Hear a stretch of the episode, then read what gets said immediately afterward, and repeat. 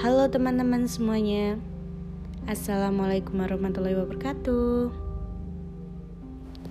Sesekali kita perlu mengingat hal-hal baik yang pernah terjadi sebelumnya.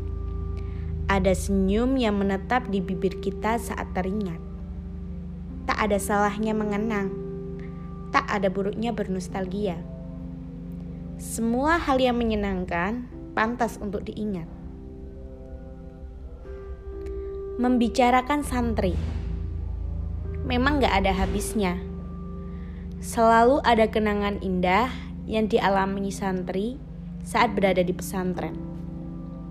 Gak hanya itu, santri juga sering memberikan kesan hangat kepada masyarakat sekitar. Di luar banyak orang yang menganggap pesantren itu adalah penjara. Karena banyak sekali aturan yang membatasi gerak para santrinya Padahal dari keterbatasan itu banyak sekali kesan indah yang dilalui mereka. Saya Alia Tunisa Azahra, biasa dipanggil Alia. Sebelumnya, saya mondok di pondok pesantren API Asri Tegarjo Magelang. Mungkin masyarakat menganggap kalau seorang santri itu sebagai manusia yang berilmu tinggi dan patut sekali dicontoh tapi kadang ada juga santri yang nakal. Ya nggak kadang sih, hampir semua pondok selalu ada santri yang nakal. Menjadi santri adalah kenangan yang begitu membekas bagi saya. Meskipun hanya tiga tahun di pesantren, mengingat masa-masa tersebut selalu menyenangkan. Bergabung menjadi santri di kompleks sofa, Ponpes APA Asri Tegarjo Magelang merupakan berkah yang begitu luar biasa. Masuk ke lingkungan pesantren merupakan sesuatu yang menakjubkan. Siapa pun yang pernah merasakan menjadi santri pasti mengamini hal tersebut. Kehidupan pesantren berbeda jauh dengan kehidupan di rumah. Waktu mengaji kitab tiga kali setelah sholat subuh jam 8 pagi dan setelah sholat isya dan kegiatan di kamar begitu menyenangkan. Kalau ditelusuri, banyak sekali kesan yang saya rasakan. Hampir semua kenangan ini muncul tiba-tiba. Saya teringat masa-masa sulit ketika belajar di pesantren.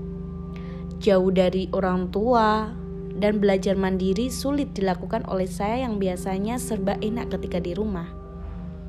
Semua aktivitas dilakukan sendiri, hal-hal kecil seperti mencuci, menyetrika, dilakukan sendiri.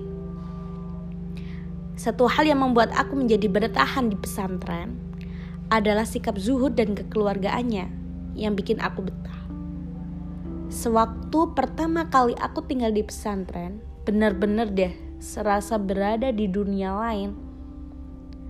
Aku yang tak biasa makan bersama dalam satu piring, Aku yang tak biasa mencuci baju sendiri, aku yang tak biasa mengepel lantai, nyapu, buang sampah, membersihkan kamar mandi atau piket, merasakan ini benar-benar sebuah paksaan. Tetapi setelah satu tahun aku tinggal di pesantren, aku baru bisa merasakan betapa nikmatnya hidup di pesantren. Seakan selalu mengingat akhirat dan berlomba-lomba dalam kebaikan. Insya Allah. Namun, di balik semua itu, tidak semua anak yang dimasukkan oleh orang tuanya ke dalam pesantren adalah anak-anak yang benar-benar baik. Ada juga anak yang memang nakal dan tujuan orang tuanya memasukkan ke dalam pesantren adalah agar dia dapat terwarnai oleh teman-temannya yang soleh-solehah bukan malah dia yang terwarnai. Akan tetapi, kadang-kadang kehadiran santri bengal ini justru mewarnai teman-temannya akan menjadi nakal seperti dirinya. Dan aku merasakannya di dunia pesantren ini ada aja ulah santri yang terkadang hampir-hampir saja aku ikut terjerumus. Tanpa rasa takut, ada aja yang dengan bangga menyanyikan lagu-lagu yang kurang sopan seperti dangdutan dan lain-lain. Ada yang dengan pedenya menggunakan hot pants. Duduh, capek deh. Ada lagi yang selalu saja menyalahkan teman-temannya, menganggap dirinya paling benar.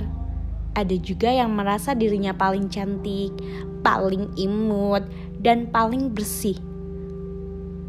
Ada lagi yang selalu mencari-cari kesalahan orang lain. Ada yang cuek, ada yang suka membuang sampah sembarangan. Yang lebih parah dunia pesantren identik dengan kudis dan kutu. Kalau satu santri udah kena, pasti dijamin yang lain akan kena. Waduh, ngeri ya. Ada-ada saja kejadiannya. Ya, inilah kehidupan pesantren.